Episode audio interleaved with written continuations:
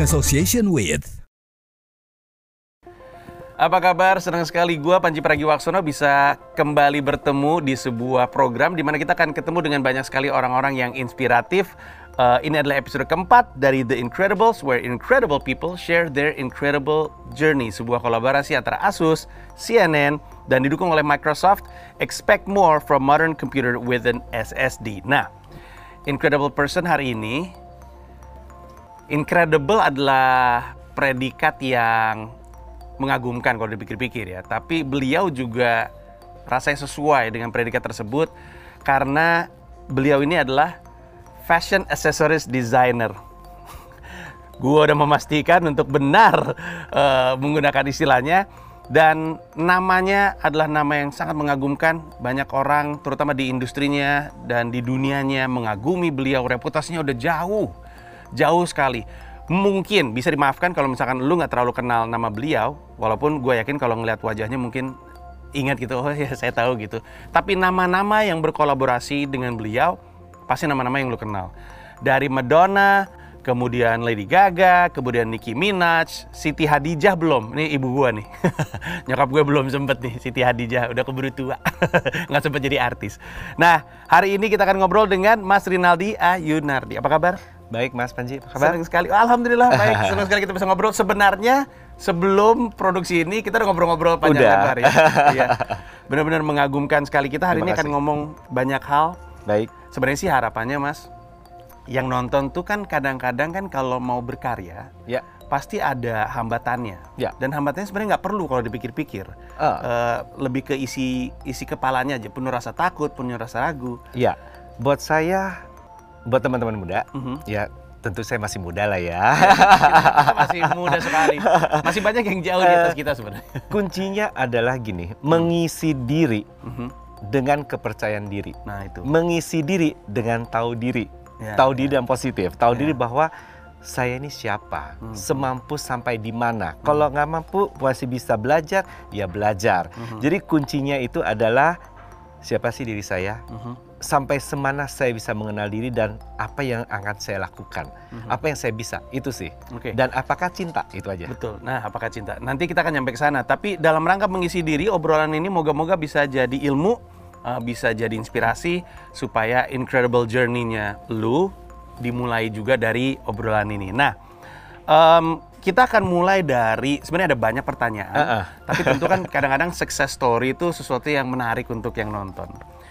Mungkin kita mulai dari pertanyaan ini, Mas Rinaldi. Kan di antara begitu banyak nama-nama yang kita tadi udah sebut dan dikagumi, sebenarnya tipping pointnya ya, nama pertama yang ngebuka peluang-peluang lain ketemu sama nama-nama besar. Itu nama siapa? Orang pertama yang besar gitu. Apakah waktu itu kan sempat cerita soal Madonna? Apakah dia atau ada nama lain? Dan gimana ketemunya Oke. peluang tersebut? Panjang. Iya. Panjang. Jadi saya punya teman, Hmm. dia sangat mencintai karya saya. Hmm. Ya, tapi dia tinggal di Hong Kong. Hmm. Iya kan? Jadi mencintai saya, mencintai karya saya, setiap hari kita berbicara. Akhirnya satu hari namanya Faye. Hmm. Dia bilang gini, kamu mau ke mana lagi? Nah, itu kuncinya nih, ke mana lagi ya? Saya udah, oke, berarti lima tahun yang lalu lah, 20 tahun, 21 tahun ya. Hmm. Saya nggak ke mana-mana, saya kan sudah oke lah di bisnis. Saya bukan orang yang ambisius yang punya pabrik yang besar atau punya belum belum sampai ke situ. Karena saya tahu kemampuanku. Hmm. Ya seperti ama, ah, seperti halnya mama yang pernah ngomong, Hmm. taulah kemampuanmu, gitu loh, ya kan? Jadi ke mana lagi? Saya bilang nggak ke mana-mana ya. Saya kan eh, basically saya kan eh, dagang bisnis itu kan di Tiara. Hmm. Ya sudahlah ya, sudah lama saya jalankan, Hmm, ya kan? hmm, Jadi saya nggak ke mana-mana, salah katanya. Hah, salah? Saya harus ke mana? Kamu punya talenta yang begitu indah, begitu besarnya, ya kan? Kenapa nggak sampai keluar? Hmm. Gitu. Jadi gini, kebetulan Value punya suami ex model, Mhm. tentu teman-temannya itu selebritis. Mhm. Jadi kali pertama adalah Carrying Ng di Hong Kong. Oh, wow. Jadi video, video klipnya segala macam, ya udah saya kirim, saya kirim dari situ, dari situ berkembang terus terus artis-artis yang mulai grade-nya A ya. Kayak Aaron Kwok juga saya dapat. Wow. Aaron Wow. Kwok, ada Semi Cheng juga saya dapat. Wow. Jadi dari situ ya berkembang akhirnya dilirik dari US. di kontak. Mhm. Jadi ya udah terjadi, udah jalannya Tuhan. Dan, dan klien yang pertama dari US itu, Mas Rinaldi? Hmm, se- sebelum Katy Perry kan menggunakan desain sepatuku, ada Erika Badu segala macam gitu loh. Erika Badu. Ada, Wah. ada, ada. Jadi ya puji Tuhan saking banyaknya. Iya, iya. Amin banget. Jadi aku orang gini. eh, ini adalah apa yang sudah kudapatkan. Hmm. Tapi saya akan raih. Tapi aku bukannya melupakan, ya kan? Tapi saya tetap harus lanjutin lagi gitu loh, Mm-mm. ya kan? Tapi tergantung jodoh, mas. Oke. Gitu. Kita tarik mundur dulu kan eh, tadi Mas Rinaldi Mas Rinaldi sempat cerita bahwa eh, banyak karyanya fokusnya tuh di tiara, di headpiece, di aksesoris. Em, tapi sebenarnya semuanya itu kalau kita nengok ke belakang itu pengaruh banyaknya ada datang dari orang tua juga. Walaupun mungkin industrinya beda. Ya, Tapi tadi Mas Rinaldi cerita eh, Bapak waktu itu jualan eh, eh Spira swasta bikin tas, Aha. eh, eh, tas dari kulit di anak sekolah. Terus mama eh, pernah jadi guru untuk ngajar eh, bikin bunga dari kertas krep. Wow, jadi sebenarnya udah mulai keterampilannya kurang secara lebihnya. tidak sadari. Iya, iya, iya. Tapi waktu itu em, adalah pertemuan dengan seseorang yang membuat Mas Rinaldi jadi tahu banyak tentang mungkin pertamanya eh, untuk kebutuhan wedding ya, tapi Ah, kemudian iya, jadi iya. tahu soal Tiara. tiara. Iya. Nah, itu itu ceritanya bagaimana? Eh, Oke, masa muda, masa happy, Iya, iya. masa yang belum tahu saya harus berjalan ke mana dan mengambil bidang apa untuk eh, hidup saya, Mhm. ya kan masih ya berteman aja. Iya, iya. Eh, zaman dulu kan bilang disco, ya kan? Langsung ketahuan generasi kita ya. ya usia ya, Iya, oke iya. masa, Eh, ya tapi masa itu adalah sejarah. Iya, buat betul. saya sejarah yang buat saya saya sudah lalui Mhm. dan saya sudah mendapatkannya dari melalui sejarah itu, Ya, ya. perjalanan itu yang saya tidak tahu kok bisa kenal dengan almarhum Kim Tong. Ya dia eh, seorang desainer gaun pengantin yang ya di masa itu yang sangat terkenal, Hmm. ya kan. Hmm. Jadi dia cuma nanya sini sini kata ya kan udah kenal tapi kan saya hormati lah dia lebih tua toh Hmm. ya kan dipanggil gitu ya kok ada apa gitu. Kamu bidangnya apa? "Eh, marketing officer Hmm. ya Hmm. kan? Saya lulusan SMA nggak pernah sekolah fashion. Ya kan? Oke. Kamu nggak cocok di situ. Hah? Kok nggak cocok di situ ya? Hmm. gitu kan? Mungkin dia bisa membaca diriku ya nggak ngerti ya. Hmm. kan dia lebih pengalaman. Hmm. Jadi apa yang saya bisa lakukan adalah menjual marketing, marketing tiara. Tapi tiara ini dari ekspor ya, Hmm. Eh import, import, Mhm, dari import, luar import. Jadi saya tidak desain, saya Hmm. tidak eh, tahu bagaimana mengerjakan atau memproduksinya. Jadi cu- cuman hanya saya menjual Hmm. gitu. Dari situ saya mengenal inilah tiara gitu. Tadi sempat cerita bahwa tadinya kan marketing officer. Ah iya benar. Terus udah gitu sebenarnya dalam ngobrol-ngobrol eh, sempat ketahuan bahwa dulu tuh marketing officernya itu eh, produk Eh, ban mobil. ban mobil. Iya. Agak jauh kan sebenarnya kan. Tapi ada cerita yang menarik banget dari Mas Rinaldi Oh. yang sebenarnya ke bawah sampai kita kita jadi ngerti gitu. Oh ternyata ada manfaatnya. Sesuatu yang akan membuat kita berpikir pengalaman hidup tuh jangan dianggap nggak ada nilainya. Kita nggak nengok ke belakang tuh baru ngerti. Oh untung gua kemarin seperti ini. Betul. Jadi Mas Rinaldi itu cerita zamannya masih jadi marketing officer untuk ban.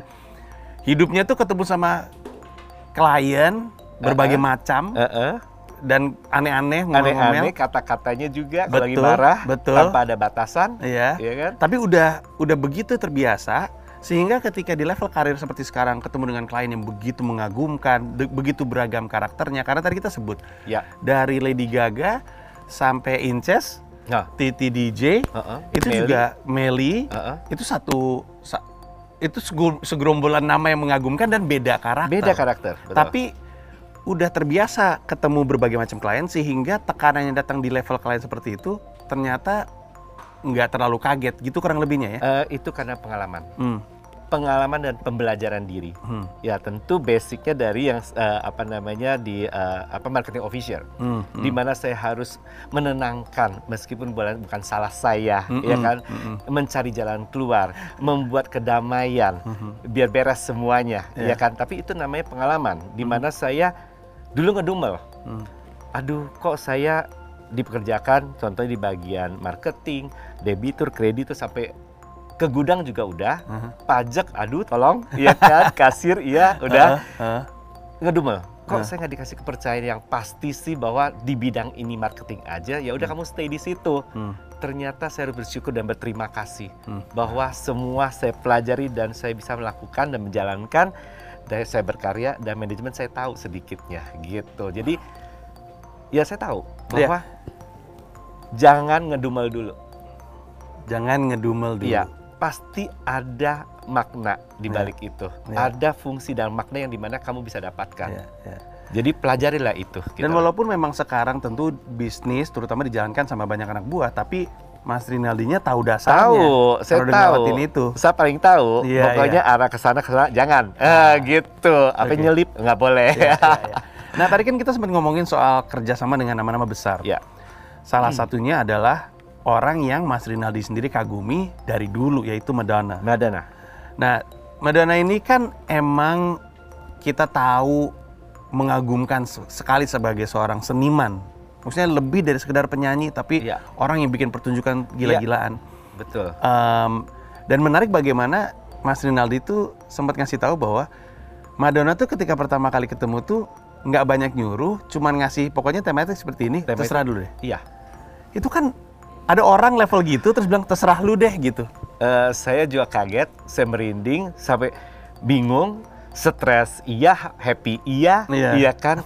Tapi apa yang harus saya bisa ungkapkan gitu loh. Hmm. Ya, tentu saya kayak Mas kan ceritakan saya udah bekerja sama dengan eh, banyak orang, desainer juga teman-teman desainer, masing-masing punya tipikal, masing-masing punya style, masing-masing mempunyai jati diri sendiri. Nah, itulah pengalaman di mana saya belajar. Belajar bagaimana mengenal dan menciptakan.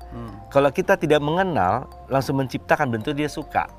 Begitulah. Sedikitnya kita mengenal dulu. Makanya Madonna saya mengenal, saya mengenal secara pihak saya sendiri, ya kan? Iya, iya. Melihat dia, video klipnya segala macam sampai saya koleksi kan dulu kan ya, videonya kan dulu segede-gede gitu tah. Iya, iya, Ya iya. kan? Jadi mengenal dia dari udah lama. Nah, dari situ bagaimana mengungkapkannya? Karena tidak ada clue contohnya harus bikin earring, bangle atau kalung atau gimana nggak ada. Jadi oke, lihat dia siapa? Oh Queen of Pop. Hmm. Oke, ya kan? Queen atributnya apa ya? Biar kelihatan Queen gitu. Hmm. Ya udah tiara, Hmm. ya kan? Sesuai dengan bidang saya selama ini, toh, Hmm. ya kan? Terus apa yang dia sukai lagi? Dia selalu mendapatkan inspirasi dari salib. Hmm, Ya iya, udah saya taburi salib lah di kepalanya Hmm. gitu. Semoga dia suka. Kan saya berdoa terus semoga diterima, semoga. Jadi ya sampai sejauh mana pun juga, setinggi apa pun juga, saya masih tetap ujian dan belajar, Mas. Hmm, Jadi contohnya Madonna terima belum tentu, Iya, iya kan? iya betul. Terus temen dekatnya itu adalah Jompo Gautier yang bikin busana buat Madonna. Iya. Tentu kan lebih dekat sama teman. Kalau dia kalau kalau Madonna suka, temennya tidak suka kayak Jompo tidak suka, batal, gagal Iya, karena iya. saya nggak cocok dengan gaun saya gitu Iya, loh. Ya kan? Jadi ujiannya berat banget sih. Ujiannya berat banget bukannya kayaknya saya udah setingkat ini tapi ujian saya gampang. Enggak.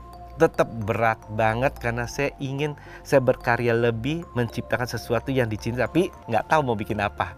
Ya kan? Kadang ada clue. Iya. Tapi akhirnya puji Tuhan diterima. Tampaknya ujiannya juga lulus karena berulang kan, sampai tiga kali kalau nggak salah. Iya, lebih. Wow. wow. Tapi kan kalau misalnya ya ada seseorang datang kemudian bilang "Eh, Mas Rinaldi saya mau kerja sama sama Anda, terserah Anda. Itu kan berarti dia tahu reputasinya Mas Rinaldi.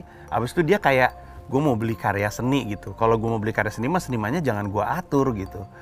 Itu kan ada sedikit ruang untuk kita bermain dengan ego kita, dengan subjektivitas Idealis. kita, Iya. ya idealisme kita Ah. betul. Nah, ketika misalnya sama Madonna atau sama Nicki Minaj atau sama Lady Gaga, itu sebenarnya dan mungkin ini pertanyaan yang salah ya Mas Rinaldi karena aku nggak ngerti. silakan. Tapi berapa persen ada kitanya di situ dan berapa persen ada Nicki Oh. Minajnya di situ? Oke. Tentu kan dari awal pas ke- oke contoh seorang Madonna. Hmm.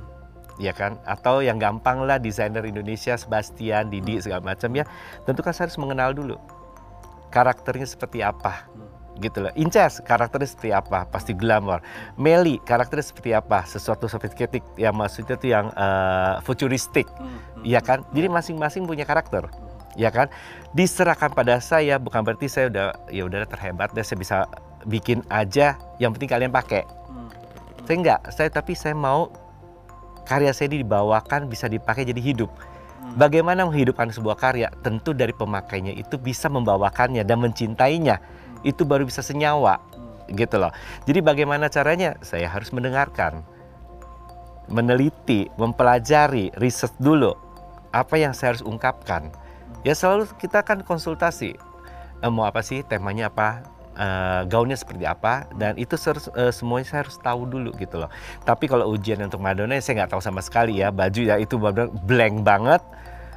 Ya itu banyak ujian yang saya terima gitu loh. Nah, kalau dengar ceritanya Mas Rinaldi ya, ada istilah yang kayaknya tepat yaitu growth mindset, keinginan untuk terus bertumbuh. Tapi dulu aku pikir growth mindset itu sesuatu yang harus dimiliki sama anak umur 20-an, 25, 28 karena di usia seperti itu kita lagi mau ngembangin karir, ya bertumbuhlah terus. Tapi kalau dari ceritanya Mas Rinaldi di level udah pernah kerja sama Madonna, Lady Gaga dan segala macam pun growth mindsetnya tuh nggak berhenti. Jadi Mas Rinaldi emang tidak menutup diri akan ilmu-ilmu baru berarti. Betul. Terus ke mana belajarnya berarti? Oke, inilah pengalaman di mana saya nggak pernah sekolah fashion. Hmm. Banyak belajar dari buku-buku fashion. Hmm. Ya di Masih ma- berarti. dulu sampai sekarang masih. Ya tapi sekarang kan banyak kan tinggal googling gitu. Iya, betul, betul. Iya kan? Iya, sekarang iya. kalau zaman buku ya zaman dulu dapat buku di Indonesia itu susah banget. Hmm. Buku fashion terutama. Hmm. Ya kan karena dulu kan 25 tahun lalu kan fashion Indonesia belum berkembang seperti saat ini. Hmm. Ya kan? Jadi sangat sulit dan mahal bukunya gitu. Hmm. Tapi saya berusaha mendapatkan karena itu ilmu. Hmm. Dan saya banyak juga belajar dari teman-teman fashion kayak Sebastian, Didi, ya, eh, Mbak Susan Budiarjo itu adalah guru-guru saya. Jadi buku dan teman fashion itu adalah guru saya. Saya banyak belajar dari mereka gitu loh. Terus ya eh, apa? Inilah namanya proses pembelajaran diri. Hmm. Bagaimana kita bisa menerima, membuka diri Hmm. membuka diri itu kan baru bisa penuh ilmu. Kalau kita tidak membuka diri dengan banyak alasan, eh, nggak ada waktulah, ya kan? Hmm. Eh, saya harus urusin yang lain dulu lah, atau apalah gitu loh. Hmm. Akhirnya kan dia mau masuk aja rada tertutup, tersedat. Kalau saya memang mungkin nggak tahu dari hati ya, itu susah sih. Iya. Kayak mulut kayaknya kadang-kadang, ah, lu gampang lu ngomong gitu kan. Hmm. Nah, saya bilang nggak begitu. Saya mah ya, saya relakan diri saya, buka pikiran saya. Setiap kali kalau mau bahas eh, eh, apa namanya tentang fashion, silakan.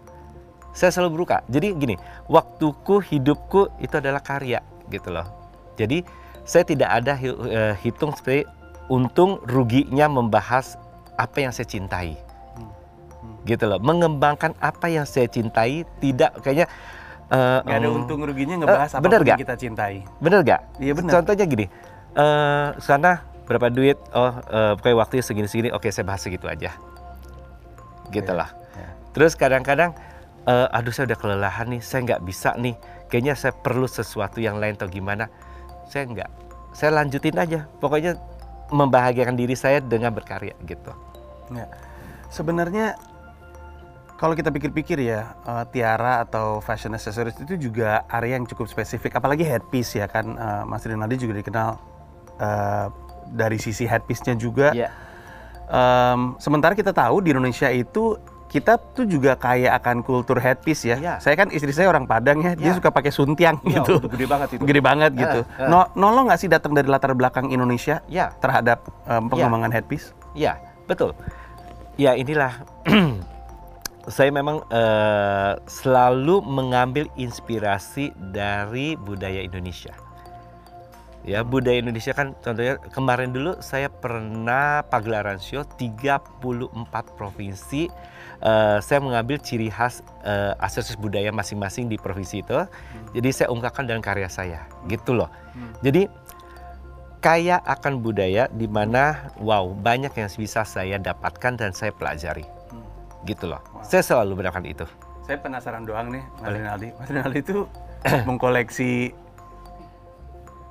saya mau ngomong mengkoleksi headpiece tradisional ya, tapi ada nggak sih elemen-elemen tradisional yang kadang-kadang Mas Mas Rinaldi lagi ke sebuah daerah ini bagus ya gitu. oh iya dong Emang sen- emang kayak gitu-gitu iya juga. kayak gitu Eh, aku orangnya gini mata ini boleh nakal tapi positive way Iya. Iya kan, iya, jadi iya. coba lihat ya, Hmm. siapa pun juga pakai apa gitu mata pasti saya lihat Mhm. apa yang tertuju dengan khususnya aksesoris, Hmm. ya kan?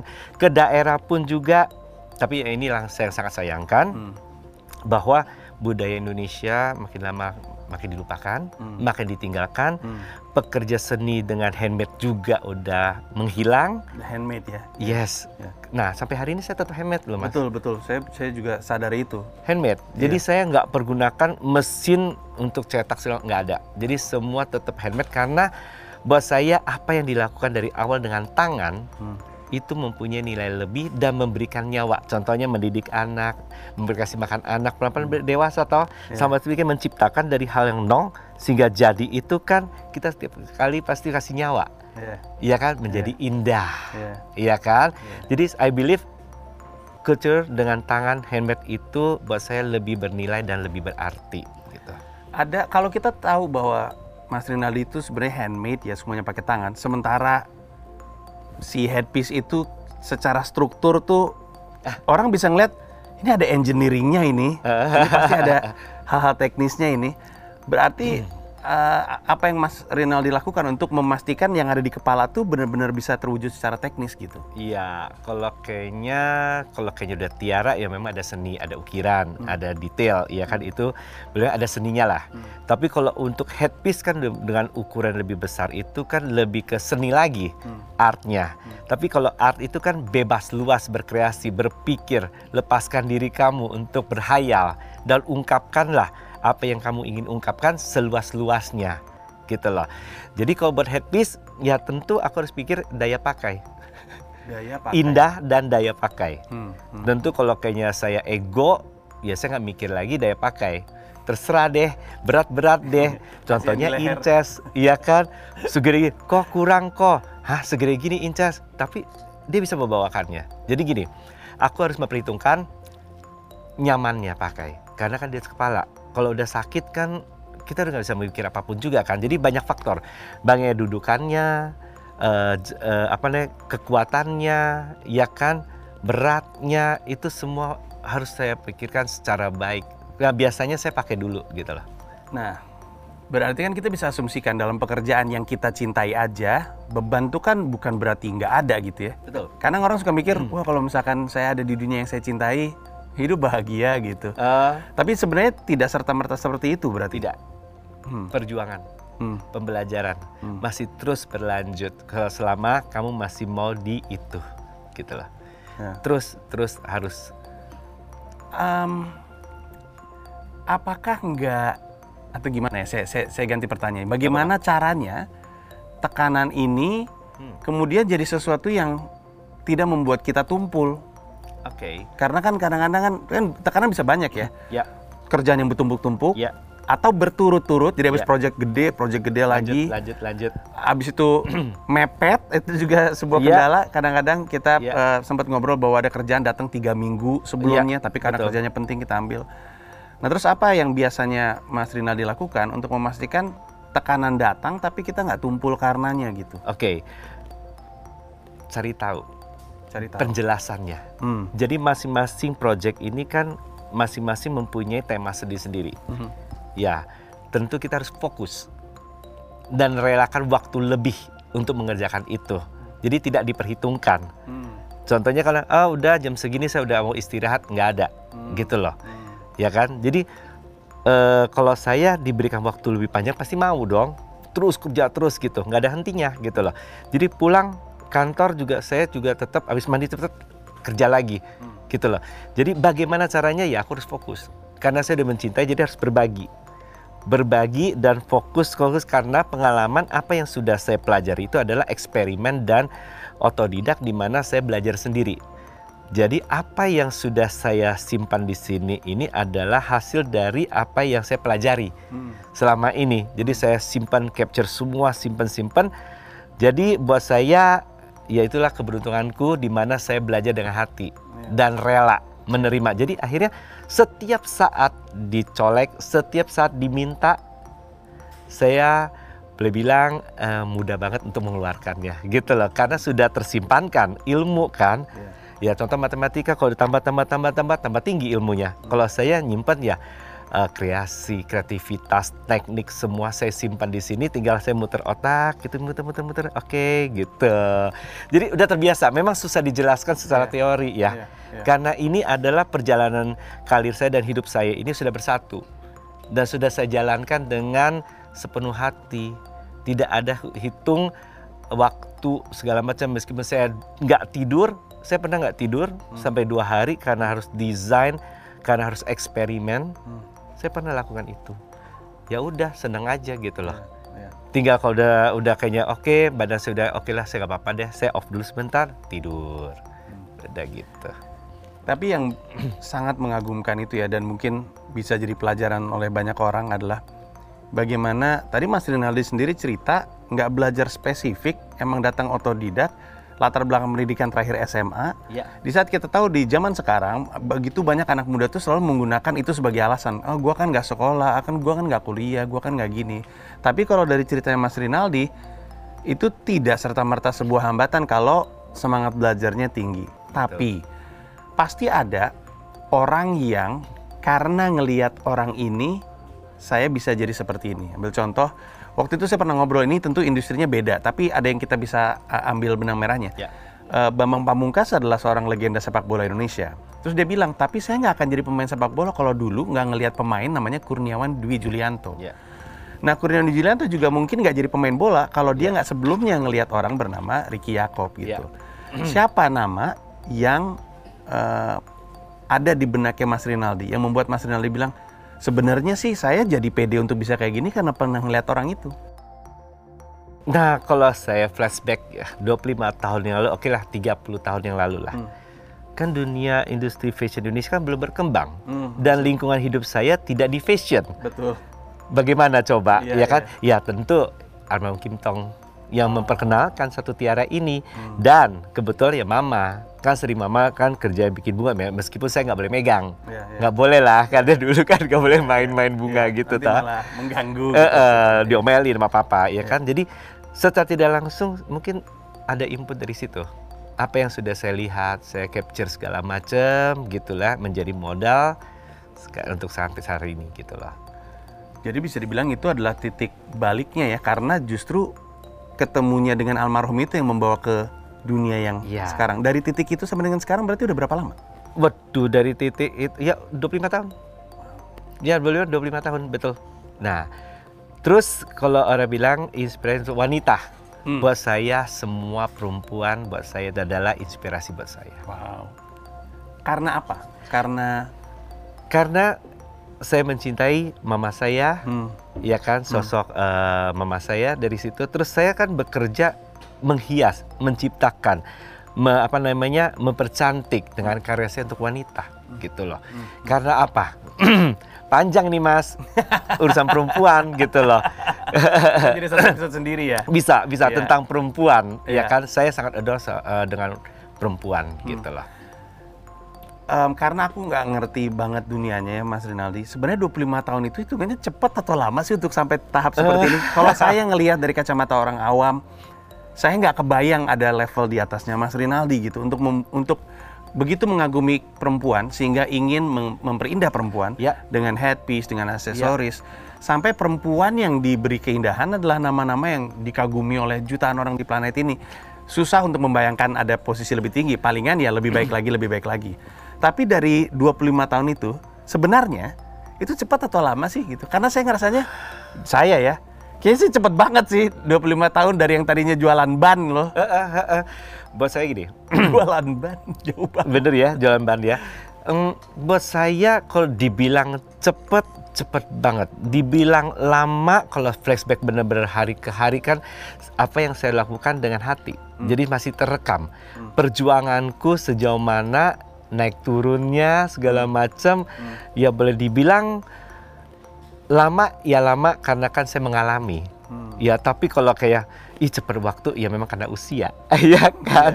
Iya, Jadi saya lihat sampai segini, wow, berapa banyak perjuanganku, ah, berapa banyak eh, saya harus korbankan hidupku. Tapi kan ini kan cinta, ya kan. Kalau dibilang secara teori kan saya korbankan hidup saya, Hmm. gitu loh. Bahkan saya jarang traveling, jarang holiday, jarang banget mas. saya berikan itu semuanya gitu loh. Karena kadang-kadang kalaupun kita lagi liburan ya saking cinta sama dunianya, kepala juga tetap ke arah sana ya. Saya suruh ke gunung malas. Mendingan kalian naik saya dibawa aja. Iya kan? Saya Duduk agak sama. santai. Iya, saya agak sama tapi karena saya eh, bokong saya manja nggak bisa sembarangan. Kalau saya ngecek eh, pertanyaan yang ada di tangan saya, sebenarnya kita udah ngecover banyak pertanyaan dengan cara kita sendiri. Eh, ada banyak eh, wawasan yang mungkin bisa didapatkan sama yang nonton. Saya cuma penasaran. Kita ngomongin level karena tadi saya sempat ngomongin, aku kan sempat ngomongin level gitu ya. Sebenarnya apakah masih ada perempuan di dunia ini yang Mas Rinaldi bilang saya ingin indahkan dia gitu? Atau Mas Rinaldi tipe yang ya siapa pun yang datang sih gue nggak milih-milih Iya, gitu. iya, Panji kalau mau punya aksesoris juga Silakan. kalau mampu. Jangan gitu. Ah, tapi ah, tapi apakah ada dan nggak apa-apa kan kalau punya punya keinginan itu kan juga Iya, nggak apa-apa iya, sebenarnya. Iya, kalau nggak ada punya keinginan lagi ya akan mati di situ. Iya betul. Berarti Iya kan? untuk punya kemauan tuh yang jadi drive kita Iya. ngelanjut. Keinginan eh, membuat keinginan hidup itu ada, keinginan saya adalah terus memperbaiki diri. Hmm. menciptakan yang lebih baik lagi, lebih baik lagi, sehingga memacu. Bagaimana mengacu itu kan saya memberikan aksesoris kan untuk wanita. Hmm. Ya banyak lagi mempelajari wanita, sisi mereka yang lebih dan lebih karena kan saya yakin semuanya berbeda. Iya kan, semuanya harus saya bicarakan, konsultasi baru bisa menghasilkan sesuatu yang lebih dan lebih, gitu loh. Kalau untuk ke depannya ya tet- mm, nggak sih nggak nggak memilih siapa pun juga. Yang penting ayo, gitu lah. Nah, saya pengennya apa mas? Museum. Oh wow. Kalau sendiri nggak mampu mas. Iya, museum headpiece, museum tiara, museum Eh, saya pengen museum budaya Indonesia aksesoris khususnya. oh museum budaya, eh, museum aksesoris budaya Indonesia. Iya, kan 34 provinsi dari Aceh, Asli. ya kan sampai ke ujung, Iya. kan masing-masing punya tipikal. Iya. Saya pengen punya komplit ceritanya dan detailnya. Saya pengen itu. Menarik. Kalau misalnya sempat eh, coba sempatkan ke Museum Nasional ya, eh, itu kan ada galerinya di atas. Sekarang kan kita bisa ngelihat aksesoris. Sebenarnya kayaknya itu untuk perang deh. kayaknya zaman dulu perang tuh harus hmm, Eh, gitu. harus beraksesoris gitu. eh. Tapi kalau kita lihat ya, kadang-kadang kita ini orang menghabiskan waktu segini banyak untuk perang loh, untuk sebuah aksesoris perang gitu dan harus kita akuin sebenarnya agak lengkap-lengkap kalau kita ngitung tahunnya, generasinya, daerahnya. Ya. Jadi cita-citanya adalah sebuah museum yang mengoleksi secara Ya. lengkap. Contohnya pernikahan pengantin eh, Jawa. Ya. Ya kan beda-beda. Ya. Ada Solo, Jogja, Iya, segala macam toh dengan ada standar-standarnya kan. Hmm. Ada hitungannya, Iya. tusuk kondingnya, peukirannya itu Iya. semua punya pengertian yang apa cerita ya di balik itu gitu loh. Pertumbuhannya dari generasi ke iya. generasi. Dan Nah, kita baru aku- ngomongin Jawa nih. ya. Aku iya baru Jawa. Hmm. Ya, aku sendiri aja di usia segini nggak bisa mempelajari itu secara lengkap. Iya. Dan kalau kita bicara aksesoris bukan cuma untuk pernikahan, kita Bukan. untuk upacara tradisional ada, Ada. berbagai macam. Banyak, betul. banyak betul, banget Betul. gitu. Ya, ya. Oke, em, tadi sebelum kami mulai, gue tuh sebenarnya sempat ngomong bahwa kalau dibiarin sih lolos terus nih pertanyaan. Masih ada sih yang bisa dibahas sebenarnya. Tapi kan ini kan bukan pekerjaan yang nggak ada ujungnya gitu ya, harus ada selesainya juga. Jadi semoga ada manfaatnya, semoga bisa jadi sesuatu. Kita ngomongin soal beban yang dirasakan sama orang di level karir seperti ini. Kita ngomongin awalnya, kita ngomongin orang-orang yang penting. Kita ngomongin semangat untuk nggak putus belajar. Kita ngomongin berangkat dari SMA, berangkat dari nggak punya ilmu benernya, tapi punya semangat dan keberanian untuk ngambil resiko di saat kalau kita pikir-pikir ya reputasinya juga udah gede gitu sebenarnya kan nggak perlu ya ah, saya sudah terkenal tidak perlu ngambil sesuatu yang akan merusak nama saya tapi karena kecintaan itu dan tadi Mas Rinaldi juga bilang gue nih nggak bisa dicolek sih lu challenge gue gue jadinya bakal ngelanjut terus gitu Terpancing. terpancing.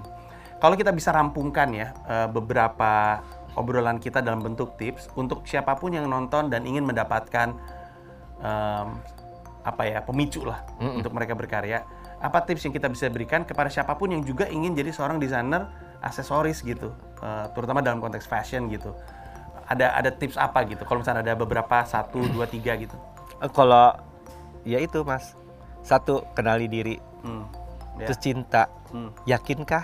Cinta maksudnya dengan dunianya. Iya, dengan dunia apa yang kamu mau jalankan. Hmm. kadang-kadang kan memandang fashion itu hal yang glamor, Hmm. indah, gampang, mudah, Hmm. instan. Hmm. Betul. Ya kan? Itu merusak diri dan merusak dunia fashion. Setidak langsung. Hmm. Dan karena tidak dilakukan dengan cinta, Hmm. akan merusak. Mhm. Ya kan? Dengan uang, ya bisa. Siapa juga bisa kok jadi fashion designer. Hmm. Nah, tapi kalau mau sukses secara benar-benar real, ya lakukanlah dengan hati. Belajarlah dengan hati dan berikanlah hidupmu untuk itu, gitu loh. Tadi sempat ada pertanyaan yakinkah? Ah. Jadi habis kita ngomong cinta, Ah. yakinkah gitu? Yakinkah? Yakinkah ini bidang untukmu? Hmm. Yakinkah ini akan menguras menguras eh, yakinkah bahwa kamu menjalankan hidup ini berdampingan dengan karya? Hmm. Hmm. Hmm. Kan memang kan kalau kayaknya kita memberikan sesuatu kan harus berkorban. Yakinkah? Kan aku bilang kan jangan hitung untung rugi karena kalau sudah mencintai seni, seni itu nggak ada waktu mas. Panjang, Hmm. lewat overtime. Hmm. Ya rela nggak itu? Gitu lah. Ya. Em, yang nonton mungkin akan tahu ya bahwa kayaknya kita juga nggak mungkin bilang em, enggak kok gue nggak mikirin uangnya tapi apalagi kalau misalnya kerjanya sama Lady Gaga ya pasti uang oh uangnya gitu tapi rasanya Mas Rinaldi juga akan mengakui bahwa ketika lagi sibuk di pekerjaannya bukan uangnya yang lagi kita pikirin kita lagi mikirin karyanya gitu Betul. Nah kalau misalkan kita nggak suka, makanya tadi yakinkah tuh pertanyaan yang bagus sekali. Kalau kita nggak benar-benar cinta bahwa kita di sini emang sebenarnya karena uangnya, ini tuh bukan proses yang menyenangkan buat lu. Bukan Iya, berkerut mas. iya, Ngawet muda ntar, iya. cepet tua. Datang dari orang yang tampak lebih muda daripada saya. Kenapa ya? Padahal saya nurunin berat badan biar kelihatan awet muda loh. Tapi malah jadi kelihatan tua mas. Kenapa ya? Saya nggak ngerti. deh. Kuncinya Apa tuh? Cari diri, tahu apa sih di dalam. Ya, Udah itu aja. ya, Kan nggak ada yang bisa nolong mas. betul. Yang bisa nolong diri sendiri. Hmm. Kunci ada di diri kita sendiri. Gitu aja sih. Ya. Kelihatannya Mas Rinaldi ya udah jadi orang yang tahu eh, pilihan karir yang capeknya aja bikin bahagia. Kadang-kadang kita mesti gitu kan kita mesti nyari pekerjaan yang capeknya tuh kita bikin bikin Ya, bahagia. Karena ada ada yang capeknya cuma capek, ada Ah. capeknya bikin kita bahagia. Nah, yang itu Ah. kita cari kali ya. Betul, betul. Hmm, hmm. Jadi capek akan tertutup dengan bahagia. Ya. Ya kan? Apalagi saya orang gini, penasaran mas. Hmm. Kalau ber- ada, ada dalam pikiran saya ada desain, ada tuang dalam desain, saya pengen cepet-cepet. Nah itu, itu itu yang membuat saya bahagia. Hmm. Pengen cepet-cepet dikerjakan dan cepet-cepet selesai. Menjadinya seperti apa sih? Saya lihat hasil. Iya, Ya. itu yang membahagiakan buat saya. Jadi lelahnya itu terbayarkan gitu loh. Oke, oke. Mesti saya tutup nih kalau nggak nggak lanjut. Kita nggak kita nggak. Episode ke 20 atau 30. Eh, sukses untuk Mas Terima Rinaldi. kasih Mas Manji. Dan juga untuk siapa pun yang nonton karena gue percaya uh, a successful person, an inspiring person, a leader has some sort of responsibility to bring positive impact to others. Seperti yang uh, Asus yang sampai saat ini terus punya komitmen menghadirkan sesuatu yang luar biasa dengan teknologi terdepan, terutama dalam perangkat laptop yang relevan dan sesuai dengan kebutuhan masing-masing konsumen untuk membuat kehidupan mereka jadi lebih bermakna. Nah, laptop kali ini ada ZenBook Flip S OLED UX371, sebuah laptop dengan ukuran 13 inci, touchscreen, sudah beresolusi 4K OLED HDR yang pastinya menghasilkan warna yang tajam, detail, dan lebih ramah untuk mata dan ini yang canggih juga dapat dibuka sampai 360 derajat. Tolong, tolong dicek. Ini mengagumkan sekali. Dan selain bisa dibuka sampai 360 derajat ditambah dengan adanya Asus Pen yang sudah mendukung 4096 pressure level. Nah, ZenBook Flip S OLED UX371 ini merupakan laptop masa kini yang memiliki tampilan berbeda dan dengan adanya solid state drive atau SSD dan teknologi terkini, kalian akan mendapatkan kecepatan, keamanan, ketahanan, dan desain yang cantik. Nah, Asus dan Microsoft telah melakukan jajak pendapat dan hasilnya orang-orang lebih senang saat berpergian dengan PC modern. Nah, saya Panji Pragiwaksono, kita udah di ujung episode. Terima kasih banyak dan sampai ketemu di The Incredibles berikutnya. Thank you.